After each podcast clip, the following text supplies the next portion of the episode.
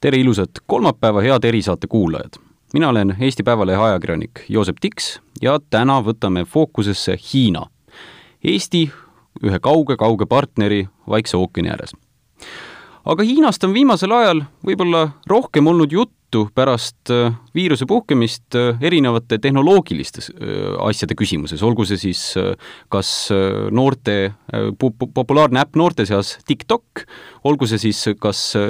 Huawei tehnoloogia, mille pärast varasemalt Eestigi ühte ministrit on kritiseeritud, et käis Huawei telefoniga ringi, aga kui rääkida siin üldse Hiinast, siis ega ma ise ju tegelikult midagi otseselt öelda ei saa, pole Hiina ekspert. selle jaoks meil ongi külas siin Liisi Karindi, Hiina vaatleja, kes on kakskümmend aastat juba selle teemaga läbi ja lõhki kursis olnud. tere, Liisi! tere! võib-olla esialgu küsiks natukene tagasivaatavalt, sest Hiinal oli väga suur probleem sellega, et terve liik, riik oli ju mitu kuud lukus. oli koroonakriis, nüüd nii nagu ülejäänud maailmaski. Äh, küsiks, kuidas Hiina on sellest kriisist välja tulnud, kas nad on jalad tagasi alla saanud ja kuidas nad nüüd oma majandust uuesti elavdavad? Äh, no Hiina muidugi on äh, selles suhtes jälle täis töös, on ju, et äh, neil muidugi neid äh, koldeid on, kus on äh, äh, uuesti see viirus nagu levinud, aga nad on nüüd kiiremini reageerinud kindlasti, on ju, ja majandus on tagasi, muidugi kõigepealt vaadati, et kuidas on läinud äh, kaubanduspool, just et müük e, ka-, äh, kasvas algul väga kiiresti, nüüd on natuke maha rahunenud, just noh, mure ongi sellepärast, et paljud inimesed siiski arvavad, et nad võivad kaotada töö seega nad on väga ost-, ostlemisel väga ettevaatlikud, et noh, et Hiina majanduskasvu mudel on ju ühit-, ehitatud äh, tarbimisele, äh, noh lisaks ekspordile, me teame, et Hiina on olnud äh, suur ekspordimaa, aga nüüd väga tähtis osa selle majanduskasvu juures on just siseriiklik tarbimine. sellepärast vaadatakse seda äh, indeksit nagu erilise hoolega. ja eelkõige muidugi Hiinas on äh, kasutusel e-kaubandus, et äh, paljud inimesed on seal harjunud läbi äh, igasuguste internetiplatvormide, on see siis WeChati platvorm või Alibaba mingid platvormid ostlema ja pluss noh, igasuguseid muid spetsiaalseid platvorme, et äh, need on küll olnud tegelikult ka selle äh, Covidi äh, kriisi ajal väga suures kasvubuumis. et äh, niisugune üldises mõttes jah, Hiina on tagasi, back in business äh,, ettevõtted on avatud, tootmine käib, äh, tarbimine on ka taastunud, aga kindlasti tarbijad on palju äh, ettevaatlikumad, et äh, niisama hulluks enam ei minda ostlemisega, et ikkagi vaadatakse, et kas on võib-olla vaja natukene raha säästa või olla ettevaatlikum, et võib-olla tööd ei ikkagi ei jätku kõigil enam. Lugesin ühest teie eelmisest artiklist, et eelmise majanduskriisi ajal, kui teistel riikidel oli vesi ahjus, oli Hiina väga aktiivne üles ostma äh, erinevaid ärisid üle maailma. Äh, kas nüüd on ka seda trendi märgata, et äh, kui neil justkui oleks parem stardipakk ja nad üritaks oma mõju kuidagi muus maailmas suurendada? ma ei ütleks, et neil on parem stardipakk, pakett, et tegelikult äh, Hiina on väga mures oma majanduse pärast äh,. Nad on aru saanud, et äh, noh, kuna nad on olnud suur eksportijamaa ka, on ju, et lisaks oma siseriiklikule tarbimisele on ikkagi eksport olnud väga tähtis osa. ja nad saavad aru, et maailma majandus ei taastu nii kiiresti, siis äh, just äsja Xi Jinping rõhutas ka, et tuleb keskenduda siseriiklikule tarbimisele, et see kasv peab tulema oma suurelt turult et nad peavad kõik tegema selleks, et tegelikult äh, seal äh, uuesti inimesed tarbima saada. see tähendab seda, et nad ei, nad praegu ei keskendu nii palju sellele, et minna välja ja ostelda noh, ka nüüd ettevõtjate tasandil, et minna välja ja osta kokku lihtsalt teisi ettevõtteid kuskilt mujalt, et nad ikkagi väga vaatavad, mis ressursid neil on. et äh, see, mis toimus kahe tuhande kaheksanda aasta kriisi ajal või järgselt, et see ei saa korduma, et siin on ka erinevaid uuringuid olnud, küll on Meriks seda teinud ju, Rhodium Grupp tuli välja uue uuringuga, mis näitab, et tegelikult äh, seekord niisugust ostulainet, nagu eelmine kord täheldati, ei saa olema, Hiina ettevõtted, kes on äh, äh, praegu välisturgudel ostnud midagi, et ka nende profiil on muutunud, nad ei ole enam nii väga niisugused riikliku profiiliga ettevõtted, nad on erasektorist ja nad keskenduvad ka rohkem niisugustele äh, vähem politiseeritud valdkondadele, nagu igasugused tarbijakaubad ja tarbijavaldkonnad ja nii edasi. ja noh, muidugi ka äh, tehnoloogia, IT on alati popp, aga no sellele, sellest me jõuame vist natuke veel rääkida. aga jah, et äh, sellist äh, ostubuumi tegelikult ei ole oodata ja vastupidi, äh, Rhodium Group tõi oma viimases analüüsis välja just, et tegelikult, et kes keda siin ostab, et tegelikult on ikkagi Euroopa Euroopa see ja teised välisriigid need, kes tahavad hoopis Hiinas ostelda, noh, ettevõtteid üle osta või siis seal ikkagi äri teha, sest tegelikult näevad ka välisettevõtted, et Hiina turg on, siseturg on tugevam kui äh, see maailma, kui maailmaturud seda on. Mulle tuleb meelde kohe eelmise aasta novembris, kui USA oli vaata et peaaegu embargo kuulutamas Hiinale, igasuguseid tooteid seal ju keelati ja tagasi lükati, äh, läks Macron Hiina ja sõlmis kohe kaubandusleppe, mis oli vist umbes viisteist miljardit dollarit väärt või niimoodi, et, et samal ajal kui USA siis madistas Hiinaga, eurooplased üritasid vaikselt alt hõlma oma diile teha seal et kuidas see Hiina turg praegu siis äh, ütleme, eurooplastele tundub, et äh, sõltumata kõikidele kriitikatele, mis siin viimasel ajal Hiina pihta pannakse, kas see öö, sisenemine Hiina turule siis aktiviseerub või kui magus see amps on seal? noh, Euroopa Liit on väga pikalt pidanud Hiinaga läbirääkimisi sel teemal, et Hiina peaks enda, ennast rohkem avama ka välisettevõtetele. No ajalooliselt oli noh, Hiina avaski ennast väga järk-järguliselt, on ju, et ta, ta nagu rohkem testis selle uue kapitalistliku süsteemiga, noh nende jaoks selle, sellegipoolest uue kapitalistliku süsteemiga ja ja see on andnud neile siiamaani niisuguse noh, võimaluse kogu aeg tegelikult kontrollida äh,, millised investeeringud nende riiki tulevad, et nad on seda ka järk-järgult kogu aeg äh, nii-öelda vabamaks teinud ja muutnud seda süsteemi ja olnud äh,, avanud erinevaid sektoreid, mis muidu olid äh, nähti rohkem kui riikliku julgeoleku valdkonda või ütleme, et kus nad väga tahtsid lihtsalt teada, et kes mis mahus investeerib, on ju, et Euroopas selliseid regulatiivseid äh, piiranguid ei ole olnud. Et nüüd vastupidi, Euroopa on asunud äh, äh, jah, ütleme, propageerima oma niisugust investeeringute screen imise, screen imise mehhanismi, äh, mis, mida peaksid siis rakendama äh, liikmesriigid äh, riigisiseselt, on ju, et just nagu, et vastu astuda sarnaste meetmetega, mida Hiina on juba kasutanud. aga samas Hiina rõhu-, ka Xi Jinping rõhutas, et see, et nad keskenduvad oma siseturule rohkem, et nad noh, näevad seal lihtsalt suuremat potentsiaalse, potentsiaalse, potentsiaali oma majanduse jaoks, ei tähenda seda, et nad ei äh, luba välisettevõtteid sinna turule, et seesama lubadus, et nad siiski jätkavad edasist avanemist, on endiselt lau-, olemas. Et vähemalt retoorikas praegu, et eks me vaatame, mis, mis järgi tuleb, äh, seda lubadust nagu kuidagi muudetud ei ole, äh, samas äh, kui vaadata nüüd äri nii-öelda poolt, et mida välisettevõtted ise ütlevad, et kas nad näiteks tuleks Hiinast ära, et suur on ju olnud ka spekulatsioon, et peale tarneahelate katkemisi ja nii edasi ja selle riskiga sinna äh, silmitsi seismist paljud ettevõtted võib-olla otsustavad Hiinast üldse ära tulla ja noh, muidugi on neid, kes lähevad Laosesse, Kambodžasse, aga väga tihti öeldaksegi, et need oleks niikuinii läinud. et see ei ole ainult sellepärast, et äh, ja nad läheks ka sellepärast, mitte et ainult, et Hiinast ära minna, vaid lihtsalt, et oma riske hajutada aga iseenesest on Euroopa ettevõtted endiselt väga positiivselt meelestatud Hiina turu suhtes. ja et tegelikult huvitaval kombel just sellepärast, et nad näevad, et see turg on väga innovatiivne ja mit-, et pakub väga palju võimalusi. et see oli ka nagu selles suhtes üllatav, et nad just selle argumendiga välja tulid. Nad ei näegi Euroopas ja muus maa-, muul maa, muus maailmas niisuguseid võimalusi, nad tegelikult näevad Hiina turul no siin eelmine sügis samuti, ma mäletan, maaeluminister Mart Järvik toona veel käis samuti Hiinas ja sõlmis kokkuleppeid Eesti põllumajandusettevõtetega, et nemad saaks sinna turule minna. et kui keeruline või raske see on üldse ühel Eesti ettevõttel Hiina turule saada või, või mis sorti ettevõte sinna kõige rohkem läheb, et viimasel ajal on, ma ei tea, kas piimapulbritest või muudest sellistest asjadest juttu, aga, aga kas siit mõni muu tootev ettevõte või midagi sarnast võiks ka sinna turule siseneda? Noh, ma ütlen, et jälle statistika poole pealt on näha, et eks me seda masinaid ja igasuguseid elektroonilisi seadmeid läheb sinna palju, no muidugi me teame ka, et meil on suuremad Skandinaavia ettevõtted siin, kes siin toodavad ja noh, siit läheb ka kaupa siis Hiina suunas. Aga kahjuks just arutasime seda, et oleks vaja jälle vaadata, et kes seal need top eksportöörid on, aga need, see andme, see andmed, need andmed tulevad ikka nii hilja välja iga aasta, et see on täiesti uskumatu, et alati saad eelmiste aastate kohta alles teada, mis, mis mis ettevõtted, kui palju siis eksportisid. aga ütleme niimoodi, et jah, et Eesti poole pealt vaadatuna, et mis need kaubad on siis, milles nagu Hiina ise ka on öelnud, et ah, et nad näeks nagu huvi lisaks elektroonikale, noh, ma ütlen, tehnoloogia, elektroonika, masinad, see on niikuinii et anna minna ainult, jah? no see, noh, see on nende huvi niikuinii, aga noh, küsimus ongi, et kui palju on Eesti ettevõtteid, kes päriselt noh, me oleme võib-olla niisuguse äh, toiduahela üks osa, on ju, et noh, tegelikult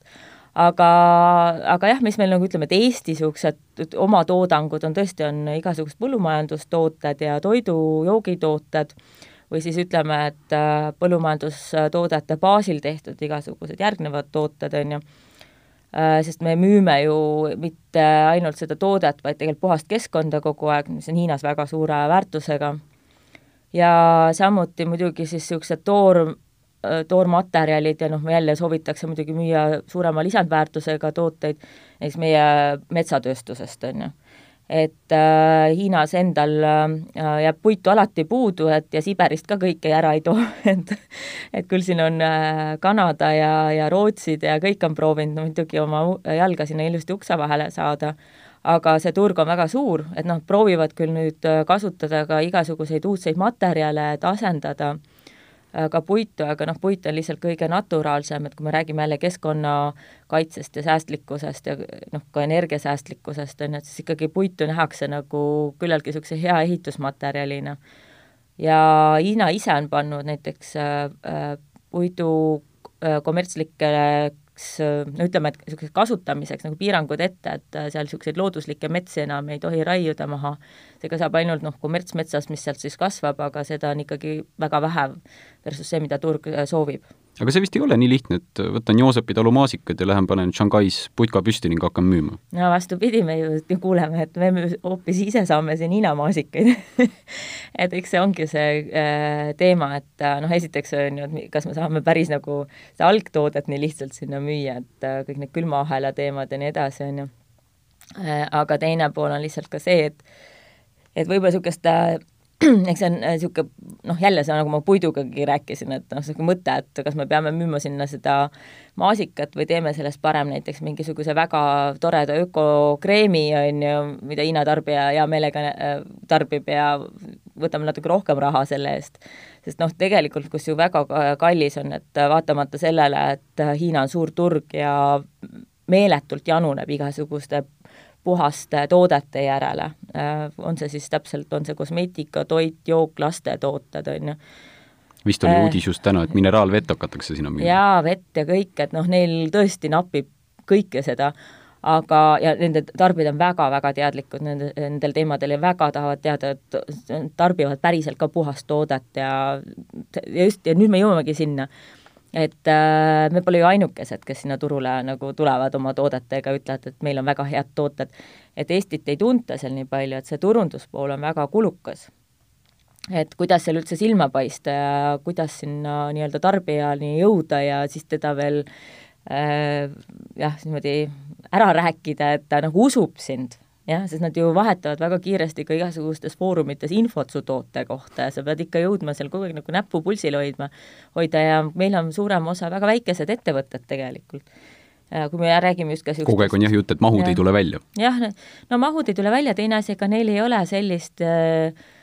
raha investeerida kogu sellesse turule sisenemise protsessi, et selles suhtes ma ütlen ausalt, et on väga hea, et on olemas äh, riiklikud niisugused tugistruktuurid nagu EAS, on ju, sest seda äh, teadlikkust on väga vähe, et millega sa tegelikult seal hakkad silmitsi seisma. regulatiivne keskkond on väga keeruline alates sellest, et kas ma üldse tohin oma tootega sinna minna, kuni tõesti, et äh, milliseid litsentse ja laborteste ma pean veel tegema, milline inspektsioon võib-olla peab mu tootmist käima vaatamas ja nii edasi, et seal on ikka riigi roll on päris suur olnud just, et et aidata meie tootjaid, on ju. Et, äh, et see on väga hea, sest noh, üksi üks ettevõtja niisugust äh, koormust ei jaksaks kanda aga kui riigi pool nagu selles suhtes on käe alla pannud ja aitab ka neid platvorme luua, kus ja noh, aitab seda just seda Eesti kuvandit ka nagu äh, noh, tõsta nagu meie usu, müüa ikkagi meid kui usutava või niisugust usaldusväärset riiki, puhast loodust ja kõike seda ka, seda ka ei jaksa üks ettevõte Hiinas nagu promoda, et see peab olema ikkagi suurem, suurem ühine pingutus nii-öelda võtaks selle teraviku teise poole, kaubavahetusest äh, impordi siia. hästi palju on äh, kriitikat olnud kas siis selle Helsingi tunneli osas, kas siis nende Huawei te telefonide osas või TikToki osas. et mida me kardame selle Hiina puhul, mis, mis Brežnevi pakike nende asjadega kaasa tuleb? no kõigepealt rääkisid veel kaubavahend, vahetusest, et äh, noh, muidugi suurem osa Euroopa riike maadleb selle Äh, kaubandusbilansi poolega just, et kuna import tuleb Hiinast siiapoole rohkem, on ju, või noh, me impordime rohkem, kui me ekspordime Hiina ähm,.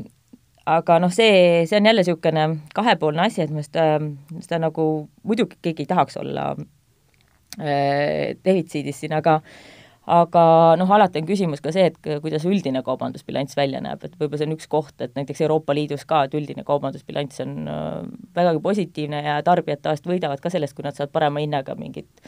hea, hea kvaliteediga kaupa, muidugi Hiinas tuleb päris palju ka nii-öelda madala kvaliteedilist kaupa, aga noh, selle jaoks on jälle e-, Euroopas regulatiivne keskkond, mis peaks sellega tegelema. Mis puudutab nüüd seda teist poolt, no mis me hakkame nüüd rääkima investeeringutest ja nii edasi, ma arvan, et miks ma tahtsingi seda artiklit kirjutada, millele sa vihjasid juba, oligi see, et väga palju visatakse ühte potti kõik Hiinast tulev äh, noh, ütleme, kas see on siis raha või, või projektid, mida nad tahavad ajada ja nii edasi, et et see läheb nagu väga ühte potti kõik ja kõik räägivad äh, võlgadest, samal ajal investeeringust ja, ja Hiina ettevõtetest, kes hakkavad mingeid asju ehitama nagu peaaegu omal kulul kostub see nii ja siis ei saagi nagu enam aru, et millest me nüüd räägime, et milles see risk siis nüüd täpselt siin seisneb, on ju et ma arvan, et igat projekti peab ikkagi väga konkreetselt vaatama, et millest me räägime. kas see on investeering, see tähendab seda, et äh, päriselt sealt tuleb mingi raha meie suunas, on see laen, siis on, kellele see laen antakse, kas üks ettevõte võtab, teiselt võtab riik laenu?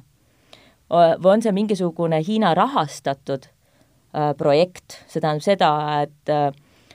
ütleme siis näiteks, et suur riigiettevõte võtab äh, ise Hiina riigi, ütleme, pankadest laenu ja ehitab nii-öelda oma kuludega siis mingit projekti või? Et noh, et mitte arvatavasti siiski tuleb sinna mingi laen kaasa või on see mis arenguabi, jah mm -hmm., noh jälle küsimus on ju, et noh, et kui, kui see raha nii-öelda tasuta antud, siis me räägime ju arenguabist, on ju, mitte laenust. et seal on neid äh, viise, kuidas Hiina tegutseb, väga mitmeid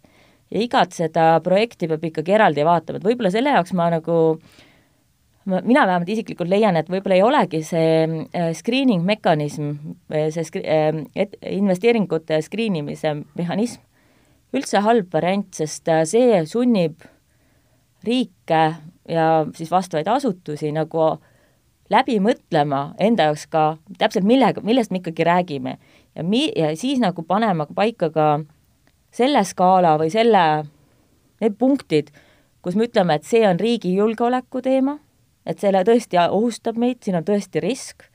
äh, selle projekti tõttu, näiteks öeldakse, et noh, risk on näiteks, kui äh, mingid laenud ulatuvad kuni kümne protsendini SKT-st, on ju. noh, sest obviously sul on siis äh,, sa oled oma majanduse nii sõltuvasse pannud sellest ühest laenust, mida Hiina on kuidagi, mis viisil siis iganes sulle andnud. kas nad hakkavad siis hoobasid tõmbama, ütlema no, et riik, tee no, seda ja todad? no näiteks, on ju, lihtsalt öeldakse, et noh, see, see on nagu niisugune riskipiir. no tulebki ära defineerida, et näiteks millised momendid on need, mis kujutavad siis ühele riigile riski. siis on teine küsimus on ettevõtete tasemel risk ja kelle kanda see peaks olema, on ju kas see on ettevõtte oma asi või siis täpselt, et kui riik näeb, et see on nii strateegiline ettevõte, et kui sellega midagi juhtub, siis peab riik minema appi. no siis korraga sellest muutub ka ettevõtte riskiks ja nii edasi, et kõik, ma arvan, kõik need punktid tuleb tegelikult väga selgelt äh, noh,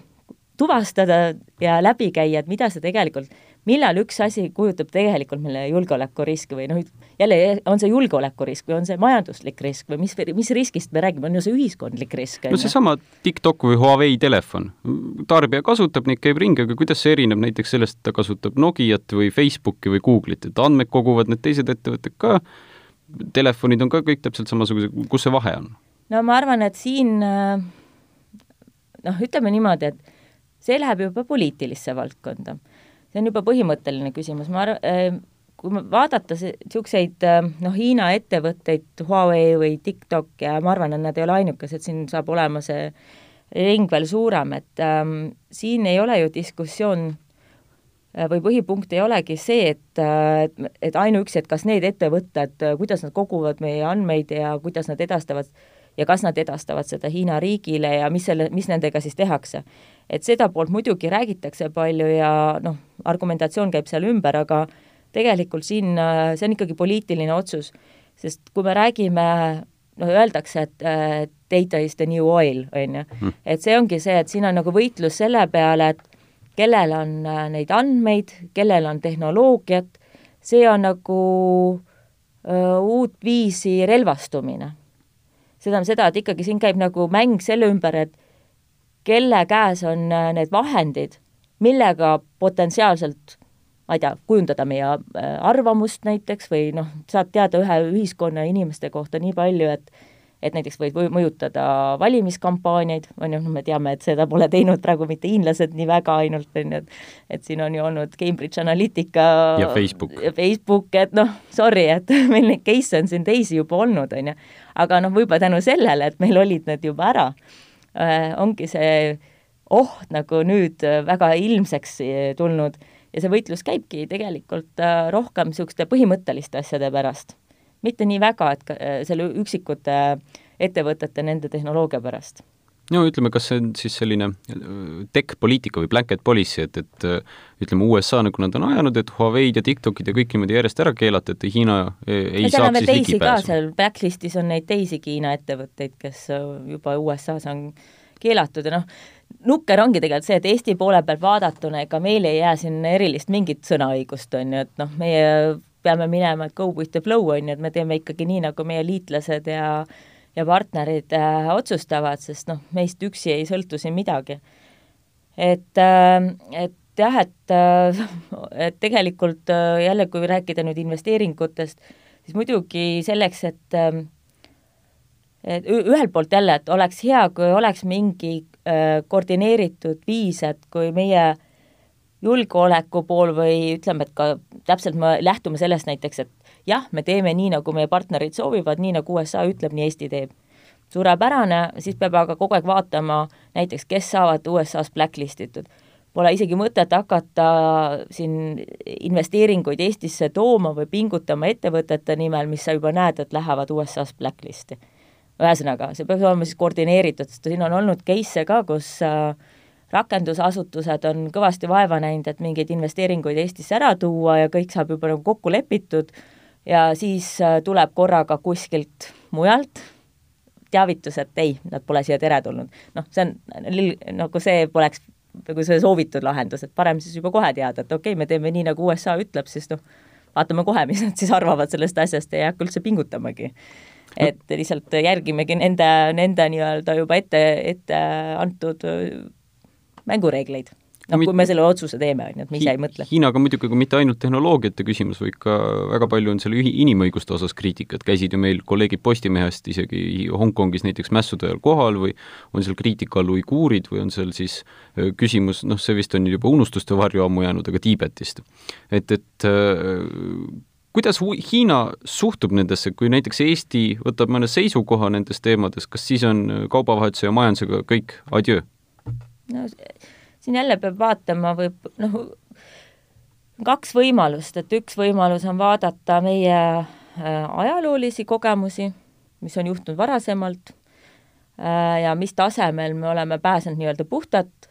et on olnud võimalus midagi teha, aga meid pole nagu otseselt sanktsioneeritud seepeale, või siis ka vaadata natuke naaberriikide kogemusi ja sealt nagu vaada-, noh, teha oma järeldused. Ja muidugi see sõltub ka sellest, kui äh, kui tähtis see teema just parasjagu Hiinale endale on, on ju, et et siin paar kordagi on Dalai-laama kutsumisest noh, järele on ju sanktsioonidest pääsenud, näiteks Läti siin ikkagi pääses ja noh, varem, varasemalt oleks sellega asjad nagu karmimalt läinud, aga just seesama ka, et ei tohi liiga kõrgele poliitilisele tasemele asju viia ja nii edasi, et noh, niisuguseid, niisuguseid käike on nagu võimalik teha küll. et me ei ole lihtsalt kahjuks Saksamaa, on ju, kes võib endale võib rohkem lubada, et nii, nii see on, et Saksamaa on lihtsalt liigagi tähtis partner Hiinale, et Saksamaa võib seal võib-olla paari asja talle rohkem lubada ja neil on noh, muidugi ka välja kujunenud äh, traditsioonid, kuidas nad Hiinaga suhtlevad, et neil on alati teatud punktid kogu aeg laual ja nagu niisugune nagu kokku lepitud äh, teema, et see käiakse ka läbi ja siis noh, minnakse jälle edasi majandusteemade ja kõigega. et äh, Eesti, Eesti puhul muidugi, et me, ongi küsimus, et kui kuidas me tahame seda asja ajada, et kui me ütleme, et meil Hiinat ei ole järgnevaks kolmekümneks aastaks, kui Hiinast saab valitsev noh, ütleme, et üks majanduslik jõud, on ju, tõusva Aasia kontekstis ka, on ju, noh, pluss siis India, et meil ei ole vaja tege-, tegeleda nendega, me ei taha, on ju, et las prantslased, sakslased, itaallased, britid, kõik teised tehku, et meie ei tee midagi, noh, siis muidugi me võime oma suhted panna siin kaalule ja, ja vaadata, mis saab. Aga kui ma arvan, et et nagu me teame, mis juhtub, kui on ju, et Eesti läheb väga selgesõnaliselt kriitiliseks ja astub äh, Hiina vastu, siis noh, põhimõtteliselt jah, et me võime lihtsalt teame, et okei okay,, me sellega siis äh, anname ära võimaluse nendega edaspidi suhelda, et noh, kõik senised investeeringud, pingutused nendesse suhetesse ja tulevikuvõimalused on põhimõtteliselt noh, nullitud. huvitav, kas seal tuleb kolmekümne aasta pärast ka valik teha India või Hiina vahel, sest ega need kaks ju ka teatavasti omavahel suurimad sõbrad ei ole? oi ei, jah. vastupidi, India on praegu ju haistnud sellist võimalust Hiinat nii-öelda rahvusvaheliselt nüüd võib-olla marginaliseerida, on ju, et äh, ettepanekud lausa, et võiks ju samamoodi Hiina isoleerida, nagu me oleme teinud seda juba Venemaaga, on ju, et noh, muidugi see nüüd teenib nagu täiesti India enda huve ja ja ei, muidugi, et noh, India, India ühel päeval arvatavasti on turuna täpselt sama huvitav, noh juba täna muidugi on, aga noh, nad on natuke teistsuguse struktuuriga, et et nad näevad muidugi Hiinas niisugust nagu pindu silmas ka, et noh, tegelikult nemad tahaks ju ka olla seal ikkagi esimene, no Hiinal on praegu lihtsalt paremad šansid see roll endale saada siin, et et midagi pole teha, aga noh, muidugi kui, kui India suudaks läbi suruda selle, et äh, globaalne kogukond otsustab äh, Hiina isoleerida ja marginaliseerida, siis noh, nad kindlasti saavutavad seal parema positsiooni, jah. lugesin just CNN-is oli hiljuti üks artikkel äh, Hiina nii-öelda hundisõdalase diplomaatiast, mis rääkis siis sellest muutunud äh, reaktsioonist nendele kriitikatele just nimelt inimõiguste ja muude Hiina otsuste kohas, kus siis Twitteris minnakse väga noh, ütleme, sõnadega väga veriselt minnakse vastu ütlema ja, ja väga karmi kriitikat tehakse ja miks see on oluline, on just nimelt selline muutunud positsioon äh, võrreldes sellega, kuidas muidu Hiina diplomaadid on üpriski tagasihoidlikud ja viisakad ja no ütleme niimoodi, et astuvad tuppa, aga sammu ei kuule. Äh, kas, kas ka selline Hiina agressiivsem diplomaatia tähendab seda, et üks hetk meil tulebki teha see valik, et üks, et noh, kui hiinlased nii kurjasti ütlevad meile vastu, umbes nagu Sergei Lavrov oleks jälle sattunud kuhugi, et tulebki siis kuhugi mujale minna oma investeeringutega? nojah, eks see, see noh, siin on ka arutatud, et huvitav, et kust niisugune fenomen nüüd on tekkinud, et et kas see on tõesti siis äh, uue juhtkonnaga seotud, kuna Xi on kindlasti hoopis teistsugune juht, kui varasemad juhid on olnud, et tal on palju rohkem niisugust maolikku nägu, jah. Äh, et äh, nii nagu noh, see tuleb kohe meelde, et millal see nii, kus igaüks proovis, iga noor just ka veel on ju, proovis nagu eriti hästi silma paista ja näidata ennast eriliselt lojaalse äh, juhi järgijana äh,, oli ju äh, kultuurirevolutsiooni ajal ja kui nüüd vaadata seda diplomaatiat, siis tegelikult natuke on ka niisugune tunne, et et kas siis nüüd noorem diplomaatide põlvkond, kus siia on läinud nii konkreetseks oma dogmaatilise programmi ja kõige sellega, on ju, partei äh, lojaalsusteemadega ja nii edasi, et et kas siis äh, noh, et ega seal, seal on ka niisugused noh, karjääriteemad üleval ja nii edasi, on ju, et kes, kes kuidas tõuseb ja kes kuidas vajub, et kas see siis on nüüd nagu niisugune uus viis tõestada, et äh, diplomaatilises valdkonnas, et näete, ma olen siin rohkem Hiinast väljas rahvusvaheliselt kui võib-olla mõni kolleeg või nii edasi, et seal on ka nagu spekulatsioon olnud, et et äh, miks need diplomaadid on asunud nii agressiivselt käituma, et kas sest seda ju täpselt ei tea, kas see on nüüd mingi koordineeritud samm otseselt äh, Hiina välisministeeriumi poolt, no seda ei paista kuskilt olevat, aga, aga et äh, diplomaadid on hakanud niisugust käiku tegema ja muidugi hästi huvitav on ka jälgida, kui palju on avatud siis neid kanaleid, on ju, neid Twitteri kanaleid ja nii edasi, et neil mis ei muidu olnud Hiinas on keelatud, on ju? nojah, ja ütleme, et neil ei olnud ka varasemalt sellises mahus, need on ikka nagu seeni peale vihma nüüd tulnud, et kõik avavad ja kõik hakkavad seal kohe kõvasti pasundama, et et äh, see tundub nagu jah, niisugune nagu nagu, nagu uus, uus niisugune trend olevat, kus jah, nagu tahetakse kuidagi tõestada, et ma olen siin tugev, tugevam Hiina äh, õiguste või, või huvide eest kaits-, seisja kui, kui võib-olla mingi kolleeg kuskil mujal, ja siis ongi küsimus, et miks nad, miks need inimesed seda teevad, et kas kas see on ette antud neile või see on mingi eraviisiline niisugune tahe ennast tõestada suurele liidrile, on ju et äh, ma jätaks selle lahtiseks, et ma pole seda uuringut ise äh, teinud, ma olen neid samamoodi lugenud, mul kolleegid on teinud päris palju põhjalikke uuringuid, aga ega seal ka tegelikult ma nii palju, kui ma olen lugenud, ega nad pole seda täpselt nagu veel aru saanud, et kuskohast see tuleb, et mis, mis eesmärki see teenib. lõpetuseks küsin, kas kunagi on ka šanss üldse, et Hiina muutub demokraatlikuks riigiks? oih, ma kohe selle peale mõtlesin nagu, et ise küll ei kujuta ette, et et noh, jah, ütleme niimoodi, et neil muidugi alati on niisugused huvitavad väljendid nagu uh, socialist democracy või Chinese characteristics, on ju, et noh, me hakkame, võime vaielda, et kas see on democracy või mitte, on ju. aga nagu Venemaal suveräänne demokraatia või Vene inimene tahabki tsaari, on ju? ega noh, Hiina, ma ei kujuta ette, Hiina pole nagu kunagi olnud, noh, muidugi, mis see demokraatia, jätame nüüd Kreeka kõrvale, nagu see alguses oli, aga ütleme niimoodi, et ega demokraatia ongi küllaltki siiski noh, noor valitsemisvorm või, või et Hiina pole seda kunagi olnud, kas nad kunagi selleks saavad, noh, praeguse süsteemi puhul küll nagu ei kujuta ette, et see mingi lähitulevik saaks olema. Um,. Aga noh, võib-olla selles suhtes positiivselt võib öelda, et ära kunagi ütle, et mitte kunagi, et äkki võib-olla ikkagi võib juhtuda, et seal mingisugused äh, muudatused võivad olla, sest noh, kui me vaatame kas või äh, Hiina lähedal olevaid riike, on ju, et noh, Taiwan sai demokraatiaks, aga seda peale seda, peale seda, kui Hiina hakkas USA-ga suhteid parandama, siis nad nägid ära, et okei okay,, nad peavad kuidagi eristuma, teid ka ennem seda küllaltki repressiivne ühiskond, et äh, et nende kuriteod olid ka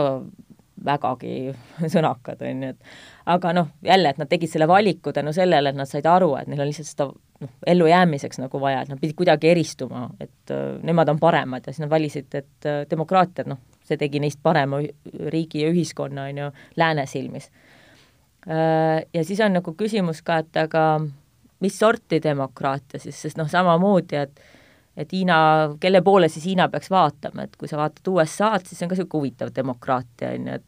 et kus samamoodi president äh, võib saata peaaegu sõjaväe oma rahva vastu ja